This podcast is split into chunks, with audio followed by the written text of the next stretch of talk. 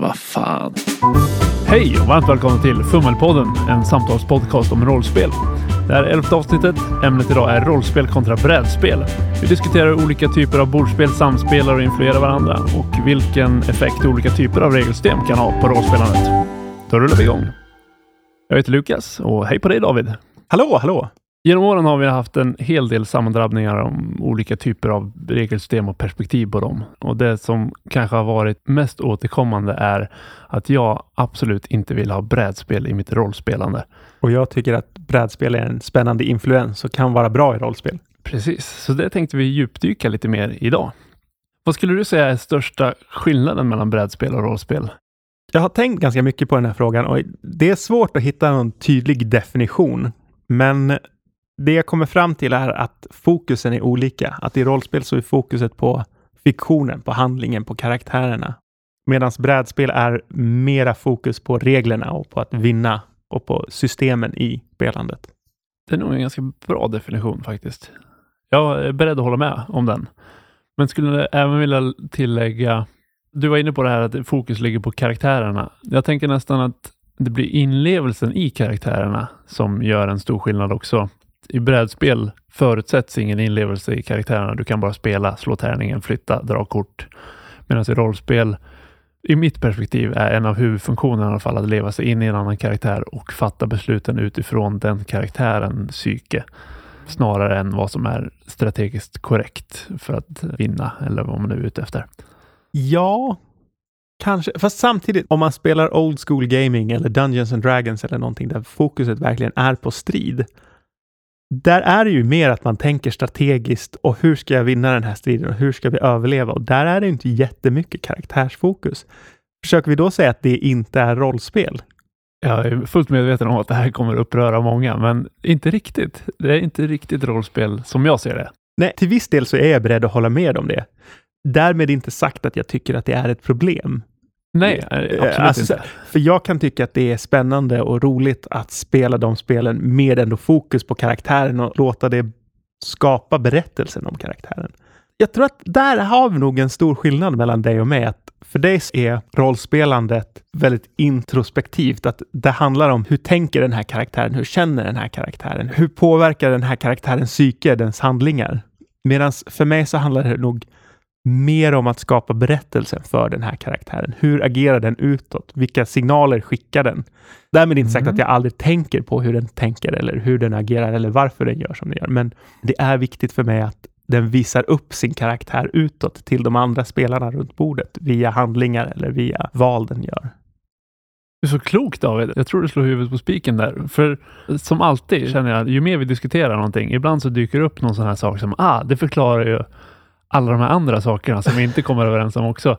Lite grann eh, våra åsikter om eh, regelsystem, men även, vi var inne på i avsnittet om perspektiv, det här att jag upplever allting ur karaktärens ögon medan Mm. du ser mer utifrån. Det var något avsnitt vi pratade om eh, att ha makt utöver vad karaktären själv Ja, har. ja. Medan där jag är ganska mycket emot det och du tycker mer att det kan vara ett intressant inslag i, i rollspelandet. Jo, men, Spännande. ja, men jag tror det. Och om vi hoppar över på till exempel figurspel, där jag har spelat en hel del Warhammer och Warhammer 40 000, där det för mig blir en hel del rollspelande ändå. Man skapar bakgrundshistorier, man bygger sina modeller och skapar hur de ser ut. Och där för mig bygger upp en karaktär. Sen så kommer man till spelbordet och börjar spela och ser vad som händer. Den här karaktären, ja men den här mäktiga riddaren anfaller en hord med goblins och man tänker aha, nu ska jag vinna för han är så mycket bättre än dem. Men så blir det bara pannkaka och han flyr och springer från spelplanen. Så bygger det en berättelse och det bygger en karaktär och, och man måste tänka vidare. Okej, hur ska den här personen leva vidare med det här otroligt förnedrande misslyckandet och, och bygger vidare från spel till spel och bygger en karaktär på spelbordet när man spelar tror att det är nog väldigt individuellt om folk gör det i figurspel och brädspel. Men Jag måste erkänna, jag gör också så i både figurspel och brädspel. Men min stora konflikt med brädspel är när det blir tvärtom. När det blir för mycket brädspelande i rollspelande. Och det har ju som du påpekar att göra med att jag fokuserar väldigt mycket på inlevelse i karaktärens psyke. Så när man börjar slänga in spelbräden och miniatyrer i rollspelande då tvingar det mig att hoppa ur karaktären, få någon slags generalposition där man sitter och flyttar trupper på ett rutnät istället för att leva mig in vad som är den rimliga handlingen för min karaktär att göra. Ja, alltså det finns en poäng i det du säger. Men samtidigt, det är ju en skillnad mellan det med att det tar inte ur mig ur spelandet när man hamnar på ett bräde. För för mig så hjälper det nog snarare till att bygga bilden av vad som händer. Jag har något att hänga upp min fantasi på, min inlevelse i spelandet. Okej, okay, ja. Om jag ska vara djävulens advokat. Fördelen med att ha ett bräde är ju att alla är överens om hur positioneringen ser ut och det blir ingen diskussion att men jag trodde att den stod där borta eller att jag var på våningen under eller vad det nu är. Ja. Så det blir smidigare i den aspekten. Men ytterligare en nackdel känner jag är att det begränsar ofta min kreativitet. För att är det ett rutnät som man kan flytta sig på, då tänker jag att min figur kan flytta sig tre rutor. Alltså kan jag göra den här handlingen. Medan hade det varit rollspelande och det är mer abstrakt, då springer jag fram dit och sen hoppar jag upp på bordet så tar jag tag i ljuskronan och svingar mig över till andra sidan. Så på sätt och vis i rollspel tänker jag mer att man utmanar reglerna eller arbetar kreativt med reglerna medan brädspel är reglerna de måste vara strikta för att annars blir det risk för missförstånd och då tycker någon annan att någon fuskar och så blir det orättvist. Men i rollspel är det inte alltid lika viktigt att allting måste vara rättvist. Jag tycker att det är en bra poäng. Samtidigt som jag, jag tycker att regler ska vara ganska tydliga. Jag vet inte om strikt är rätt ord, men jag tycker om när det finns tydliga regler i både brädspel och rollspel. Att det finns en tydlig designen tydligt rätt sätt att spela spelet på som man ska följa för att det ska bli bäst resultat. Och jag tycker även att alla spel, oavsett om det är rollspel eller brädspel eller till och med datorspel, så är det ju ändå en form av systematisering av någon slags verklighet. Det blir aldrig helt realistiskt. Och för mig så känns själva reglerna i sig inte störande. Det känns mer störande när man vill uppnå en sak, men reglerna uppnår en annan sak. Ett tydligt exempel är att vi nyligen testade Fantasy Old School Gaming från Saga Games. Boken pratar mycket om att man ska leva sig in och berätta en historia, bonusar för bra förklaringar. du får till och med straff om du inte ger bra förklaringar. Och till och med straff. Men problemet som jag upplevde var att man får en hög med tärningar och så ska man lägga några på försvar och några på anfall och så är det flera motståndare så ska man dela upp de här tärningarna. Och så fort det hände så hamnade jag totalt utanför karaktären. Spelet ville uppnå att jag skulle bry mig om hur karaktären agerade och hur man levdes in i det, men systemet var så pass fokuserat på strategin runt tärningarna. Så fort det hände så var det bara att man brydde sig om, okej, okay, hur många tärningar ska jag lägga i varje hög? Hur ska jag försvara mig? Hur blir det bra? Jag håller med och på sätt och vis, det drar ju mer åt old school hållet och där kanske det inte riktigt är samma fokus på djup karaktärlevelse eller storybyggande, utan det är ju kanske lite mer det här utforska dungeons och dräpa monster och samla XP och utan värdering i det. Så, nej, nej, så det blir ju rimligt då att du lägger mer fokus på strategi och tärningsfördelning och så vidare. Men jag, jag delar din upplevelse där att det blev bara brädspelande för mig. Det som störde mig framför allt var skillnaden i vad boken säger att den vill ha och vad den faktiskt ger oss. För jag, håller med, jag har inget problem med att det är strategiskt lite mer brädspelande, att man ska överleva, man ska vinna striderna mot monstren, man ska hitta skatter. Det för mig är inte ett problem, utan problemet är klyftan i uppsåt och resultat. Det har vi ofta återkommit till. Dels vara överens om vad det är vi är ute efter och även att kanske bättre låta ett system göra en sak bra än att det ska göra massa olika saker. Och det är väl det jag kände eh, med fantasy här att dels skulle man fördela allting taktiskt och sen samtidigt skulle man beskriva hur den handlingen såg ut och genomfördes. Det kanske kan gå att uppnå om man har bra erfarenhetssystemet och den här taktiken i att fördela tärningar går mer automatiskt. Då kanske man får mer utrymme för att beskriva kreativa handlingar. Det behöver inte vara fel i systemet, men beskrivningen av hur spelandet ska gå till blir lite klud. Ja, för själva det strategiska var ändå ganska roligt tycker jag. Alltså ett enkelt system som ger ett djup i strategin. Men om man jämför Apocalypse World handlar ju betydligt mer om att eh, skapa någon form av story och ja, lite mer inlevelse i handlingar och så vidare.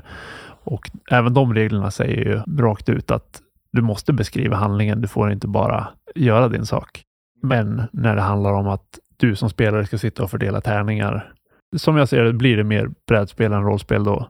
Ja, och skillnaden är ju att ja, men i Apocalypse World, där sitter man och beskriver och är in i handlingen och man bryr sig om karaktären och sen så behöver man bara ta två tärningar och slå och titta resultatet. Det går så otroligt mycket snabbare. Ja, det blir inte riktigt strategi Nej, eftersom du bygger mer story genom att göra din handling och det får bieffekter. Jag är inte helt anti att ha tydliga regler heller, för ett av mina problem med Apocalypse World, även om jag gillar systemet som helhet, och jag är inte säker på att jag skulle ändra på den här detaljen för att det gör systemet sämre som helhet. Men det är ju det här att allting är precis lika svårt enligt reglerna i grunden. ja, Och det blir ju på sätt och vis ett orättvist regelsystem i det avseendet.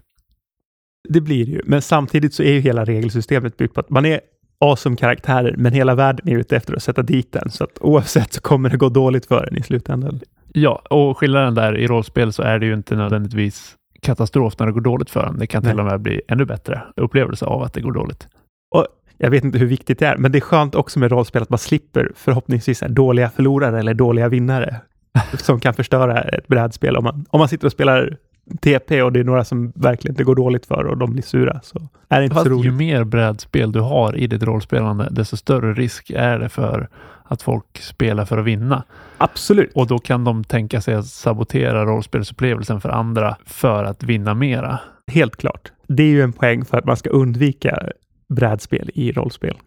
För att undvika de dåliga förlorarna eller de här vinnarskallarna. Jag tycker att om man är vinnarskalle och fuskar i rollspel så är man en skitstövel som aldrig ska röra sig i Okej. rollspelskretsar någonsin igen. Okej. Ja, men jag, jag, jag är beredd att hålla med. Ja. Saboterar man upplevelsen för andra i brädspel, då är det en förutsättning för att jag eh, suger ut alla dina pengar när du landar på mitt hotell eller jag spelar ut de här Munchkin-korten så att hela din eh, level dör. Så här, så länge i brädspel man följer regelsystemen som är byggda och alla vet om dem så är det okej. Om man medvetet fuskar i brädspel kommer jag aldrig spela brädspel med dig igen. Ah, Okej, nej jag köper det. Och det är på sätt och vis samma sak i rollspelssammanhang så kan du ändå gå ut på att förstöra för varandra. Ja, Men där går man med på det för att det är en del av premissen att ni ska förstöra för varandra och det behöver inte vara kört för dig som spelare. Du behöver inte sitta och vänta medan alla andra spelar klart, nej, utan det ger efterverkningar för hur du rollspelar snarare. ja. Det är ju verkligen det här som vi varit inne på, det här sociala kontraktet, att vara medveten om Just det. förväntningarna. Ja, målbilden måste vara att alla ska ha roligt. Och har Ja. man olika uppfattningar om vad man ska göra, det är ett ganska bra recept för att alla inte ska ha roligt. Och i förlängningen då innebär ju det samma sak det här med grad av brädspelsinslag. Är man av uppfattningen när man går in i rollspel att nu ska vi spela karaktärer och så är det någon som spelar reglerna istället. Då kan ju det bli tråkigt för den som karaktärsspelar, för den kanske sitter själv och vill karaktärsspela. Och samma sak åt andra hållet. Går man in för att spela regler och gå upp i level, men inte nödvändigtvis spela djup på karaktären, då blir man ju förbannad när två karaktärer sitter och har en diskussion om deras bakgrund i två timmar. Ja, Och det kan man ju bli även om man tycker om karaktärsspelande. men det beror ju på hur intressant bakgrunden är. ja, återkommande poäng att vara överens om saker är ju bra medel för att ha roligt. Ja. Vad tycker man man kan lära sig om brädspel och vad kan vi plocka in i rollspel som ändå blir bra? Finns det någonting? Dels som du påpekar att tydliga regler är ofta någonting som är bra. Eh, Jag delar den uppfattningen eftersom har man olika uppfattningar om reglerna så kan det dra ner spelandet också. Brädspel, de bra brädspelen är föredömliga i att ha koncisa, tydliga regler som alla förstår på fem minuter och sen Ja. kan alla spela på lika villkor. Ja. Ja, men elegant design i Ja. bra brädspel tycker jag är någonting man kan lära sig av till rollspel också. Absolut, och i förlängningen just den här nybörjarvänligheten i, har du tydliga, koncisa regler så är det lättare att komma igång med det, även om du inte har erfarenhet av det tidigare. De här eh, mer brädspelsinfluerande rollspelen, jag tänker eh, Fria Ligan med MUTANT, det är väl det vi har Mm. testat på, känns ganska nybörjarvänliga i att du får en ganska tydlig roll som du inte behöver tänka så mycket själv. Du vet var karaktären kommer ifrån, du vet vad den har för förmågor och det formar ofta personligheten till viss del. En detalj till där är att det är ganska skönt med kort för utrustning. För då slipper man hålla på och skicka runt en bok som alla ska ha. Ja, man har ett kort som man kan titta på när som helst. Men det är också en tydlig ja, brädspelsinfluens. absolut. jag köper din poäng att det underlättar och att det blir väldigt tydligt för spelaren att jag har det här kortet. Nackdelen är att du begränsar till korten som finns då och sen får du göra egna. Men om du då ska dra ett slumpmässigt kort så stämmer inte det. Ett annat argument mot är om du är inne på ett ställe och så slumpar du fram vilket innehåll det finns i en skattkista. Varför ligger det här föremålet i den här kistan? Varför har den här gamla gumman en AK47? Det Att- kan att- ju att- bli extremt spännande när man Ja. improviserar, men har du då spelat den här gumman som att hon inte har en AK47 så krockar det helt plötsligt med narrativet. Absolut. Det var nog mest bara smidigheten i att ha utrustningen på kort snarare än hur man använder Ja. korten som jag... Så återigen det här med nybörjarvänligheten i brädspelsmekaniker och att ta in brädspelsinfluenser i rollspel är ju något positivt. Ja. Nu vänder jag på det igen. Jag vill Ja. inte vara för positiv mot brädspel. Nackdelen är ju att det tar stopp på en viss nivå då. Att du sätter ett ganska lågt tak ju mer brädspel du har. Att det blir svårare i ett spel som tilldelar tydliga arketyper att skapa din egen unika karaktär med dina egna unika idéer. Det blir svårare som SL att skapa unika grejer när du har färdiga rum som man går in i eller färdiga föremål som man slumpar fram. Det är en mindre brant uppförsbacke, men det blir en lägre högsta nivå över vattnet i potential, tänker jag. Ja, jag kan köpa det. För att ett komplext men väldesignat system är ju intressant för att det är komplext och det finns många variabler. Och det kan ju bli intressant på grund av komplexiteten också. Ja, det får verkligen göra val snarare än att det bara slumpar sig på ett visst sätt. I rollspelspotential föredrar jag nog ett lite mer komplext system som tillåter mer utsvävningar och nyanser. Ja, och det här är någonting som jag ofta säger, men jag gillar regler och jag gillar ändå något slags ramverk, för det för mig är inspirerande att jobba runt. Det säger mig vart det här spelet vill ta mig. Det ger mig inspiration att göra någonting nytt och intressant med min karaktär eller i mitt spelande. För fria system, för öppna system, för mig blir lite hämmande, för jag vet inte vad gör det här systemet bra? Vad vill vi åstadkomma? Vart är vi på väg? Som man går till en pizzeria, finns det 75 olika pizzor, då står man längre och blir så här, äh, vilken ska jag ta? Ska jag ta en sån fast ta bort det där? Men att går du till en pizzeria där det bara finns fem grejer, då fattar du ditt beslut ganska snabbt, för du har inte så mycket att välja på. Men jag tänker, båda har varit lite inne på det här med om man har ett spelbräde exempelvis, så ser man var alla är. Det blir kanske lättare att fatta ett beslut i vad man ska handla för att man har en tydlig bild. Allt är inte så abstrakt. Men nackdelen är ju att du får mer statiska upplevelser. Det är kanske jag som har dålig fantasi, men exempelvis, jag tror det var Mutantor 0 vi spelade, där alla bara stod och slog på en fiende och den attackerade någon och den parerade eller hur det nu var. Det blev bara väldigt statiskt att alla stod och väntade på sin chans att slå och sen slog man och sen slog den men den missade och sen slog alla igen och sen dog den. Och så upplever jag ofta med mer brädspelsinfluerande eh, rollspel eller mer regeltekniskt begränsade rollspel. Att det blir den här statiska upplevelsen. Det blir som i Baldur's Gate exempelvis. Alla bara står runt en fiende och så väntar man på att slå. Så slår man och så på något sätt missar man även om fienden bara står helt still. Och det kräver väldigt mycket fantasi att omsätta det i någon form av dramatisk scen. Medan jag tycker systemet som vi håller på med nu, det är ju egenarbetat, men där har vi nog i varje strid på sistone fått till ganska tydligt händelseförlopp som är dynamiskt, där karaktärer inte bara handlar i strid, utan senaste striden så slogs ni mot någon monstruös varelse som hade tagit sig från en annan dimension genom en tavla. Och en karaktär hade någon idé om att försöka springa runt och, och på något sätt förstöra den här tavlan och stötte på andra typer av utmaningar då. Hade det varit ett system som bara främjade attack eller parering, då hade ni nog gjort annorlunda. Ja, jag tycker att det är ett system där reglerna bygger på karaktären. Att systemet belönar beskrivningar. Rollspelandet får systemtekniska konsekvenser. Vilket gör att det blir mer intressant att rollspelare. För man som spelare vill ha den här bonusen så att det blir lättare att lyckas med sin handling. I alla fall så fungerar det så för mig. Jag tycker till och med att det har fungerat så på folk som är ovana rollspelande, att de i alla fall tar klivet mot att beskriva sin handling eller göra någonting som man som spelledare ibland blir så här, va? Vad håller du på med? Och sen, ah okej, det är det här du försöker göra. Ja, det blir spännande. Ja. Eller som någon strid ni hade, din karaktär sprang fram och naglade fast det här monstret på bordet som den höll på att resa sig ifrån, medan de andra stod och försökte ha koll på den på något sätt. Det blev en mycket mer spännande strid, även om på många sätt blev den inte så dramatisk som jag hade tänkt. Fast den blev mer dramatisk än vad jag hade tänkt på andra sätt. Men det hade aldrig hänt i ett brädspel. Aldrig. För då hade det varit, ja, jag slår en, slår lite tärningar och ser vad som händer. Men det är min personliga idé om vad jag tycker är absolut roligast att rollspela. Det säger ju inte att det inte kan vara roligt att bara slå tärningar och spöa en fiende, hämta skatter och tycka att man har gjort något fränt. Här, nej, jag tycker också att det kan vara spännande och roligt, men då vill jag ha ett system som är byggt för det på ett bra sätt. Jag spelar hellre då Dungeons and Dragons där det finns ett strategiskt djup i striderna.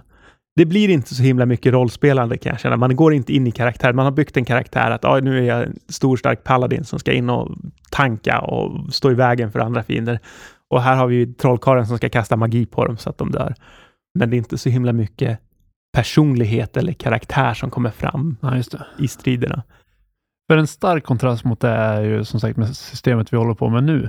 I senaste striden vi var inne i, där beslutade du att äh, min karaktär är nog för skärrad av scenariot för att göra någonting. Mm. Så jag står bara stirrar och ber en bön till min gud tyst. Det är ju helt sämst strategiskt och taktiskt för att hade du anfallit den rundan kanske hade du gjort skada och så hade den dött snabbare. Ja. Men belöningen blev för karaktärsspelande i slutet av spelmötet när vi tilldelade XP. Ja. För att systemet uppmanar till det. Och jag tycker att det blev en roligare rollspelsupplevelse ur min syn vad roligt rollspelande är när man får en inblick i hur din karaktär resonerar. Eller, eftersom det var lite mer skräckfokuserat som alla bara springer fram och brölar och, hugger ihjäl en, då får man ingen stämning. Medan nu blev det genom ditt karaktärsspelande så förmedlar du en stämning till de andra spelarna också. Som var mm. att det här är sjukt. Det här ja. är otäckt. Undrar om det är det som definierar rollspel, att det finns anledning att göra suboptimala val. ja, kanske det. Jag kan i alla fall säga, jag gillar spel där det belönas att göra suboptimala val. Att det inte finns ett rätt sätt att spela, utan det finns valmöjligheter som gör det roligare. Spontant kan jag inte komma på något annat spel när det fungerar så. Men tittar man historiskt, rollspel kommer ju liksom från figurspelshållet och det är ju en väldigt naturlig koppling mellan figurspel, rollspel, brädspel, all den här typen av bordspel egentligen, där man har någon form av slumpmässig regelmekanik som beror på tärningar eller kort eller vad det nu är. Någon form av värden och, och så vidare. Ju mer du går åt friform, desto längre från brädspel kommer du ju. Så det är nästan en skala där du har brädspel och sen har du någon form av författande eller fiktionsbygge i andra aspekter och så ligger rollspel någonstans och skiftar lite mittemellan beroende på vilket system du har. Mm. För det är ju på sätt och vis lite som att skriva ett manus eller en bok, men med mer slumpinfluenser och och någon som försöker förstöra för en genom att ha en annan karaktär som vill någonting annat. Och det här samarbetet eller kampen om kontrollen över fiktionen. Det är sant. Men för går man mer åt fiaskohållet så är det ju nästan närmre författande än det är brädspelande eftersom det är så extremt få slumpmoment. Fast samtidigt, det finns ju brädspel utan slumpmoment också. Kina schack, schack, Othello, fem i rad. Det har du en poäng i. Och där är ju fiasko mer likt det, för där reagerar man bara på vad motståndarna gör. Ja, du har inga motståndare i fiasko, men... Nej, men medspelarna då, om man får säga så. Ja, det är sant. Det är reglerna du har också, så det kanske är mer mångdimensionerad. Det kanske är någon sån här eh, graf snarare än den skala. Ja. För att du har dels slumpmomenten, men sen har du även reglerna. Och i schack så är det ju extremt tydliga regler. Medan om du skriver en bok så Ja, du har grammatiska regler att förhålla dig till. Fast de kan man ju också så här strunta i om ja, man vill. på sätt och vis. Mm. Om man är riktigt nördig kan man ju försöka rita upp någon sån här graf. olika axlar av influenser. Ja, men det känns ju nästan nu så här, när man tänker efter, lite godtyckligt att dela upp det i bara rollspel och brädspel. För ja, brädspel det, det är, är, ju superstort och det finns otroligt många olika aspekter av det också. Jo, jag håller med. Det är ju en väldigt stor kategori och det blir väldigt kategoriskt att säga att det där är en sak eh, och rollspel är en annan sak. Och någonting jag tänkt på också som dyker upp här som jag inte har tänkt jättedjupt på, men även så här kortspel finns det ju intressanta influenser man skulle kunna tänka på. Hemlighålla saker. Det är väldigt slumpigt eftersom man vet inte vad den andra har för kort. Man vet inte själv vad man har för kort. Har man ett S i rockärmen och så vidare. Vad sant. Inte jättegenomtänkta tankar just nu, men ett intressant Det måste ju finnas spännande rollspel som bygger på kort. Jag har ingen erfarenhet av något. Nej. Men Men, Annars ja, får vi skapa ett live i podcast helt enkelt. Ja, nu kommer inte jag ihåg vad det heter, vilket stör mig, men det finns ju till och med ett där man inte slår tärningar, utan man sitter bara och spelar Jenga och när tornet Ja, rasar just så går det åt skogen. Just det. Men jag tänker vara så motsträvig och traditionell att jag vill hävda att eh, brädspel har högre kompatibilitet med rollspel än många andra. För det här att sitta och bygga gänga, återigen, då tar det mig så långt ur Aha. karaktären, för det har ingenting med hur karaktären upplever saker och ting att göra. Är inte det också en konsekvens av att du är så van vid tärningar? För egentligen så har ju tärningar ingenting med att göra vad karaktären gör. Jo, det är sant. Jag kan tänka mig att kort skulle fungera också Ja. på motsvarande sätt. Men en tärning är ju så extremt bred i sina möjligheter, för du har bara värden och sen vad du gör med de värdena, vad de värdena representerar är en annan sak. Men just gänga eh, som Mm. exempel, det är en helt annan aktivitet som inte är slump heller, utan det är lite skicklighet och det är din skicklighet som spelare, inte din skicklighet som karaktär. Så att du är väldigt distanserad från din karaktär när du drar ut en pinne. Liksom. Jag, jag köper det argumentet. Apropå traditionella, hur känner du inför att använda appar eller datorprogram till spelet? Jag skulle vilja vara positiv till att ha appar istället för spelledare och sådana element.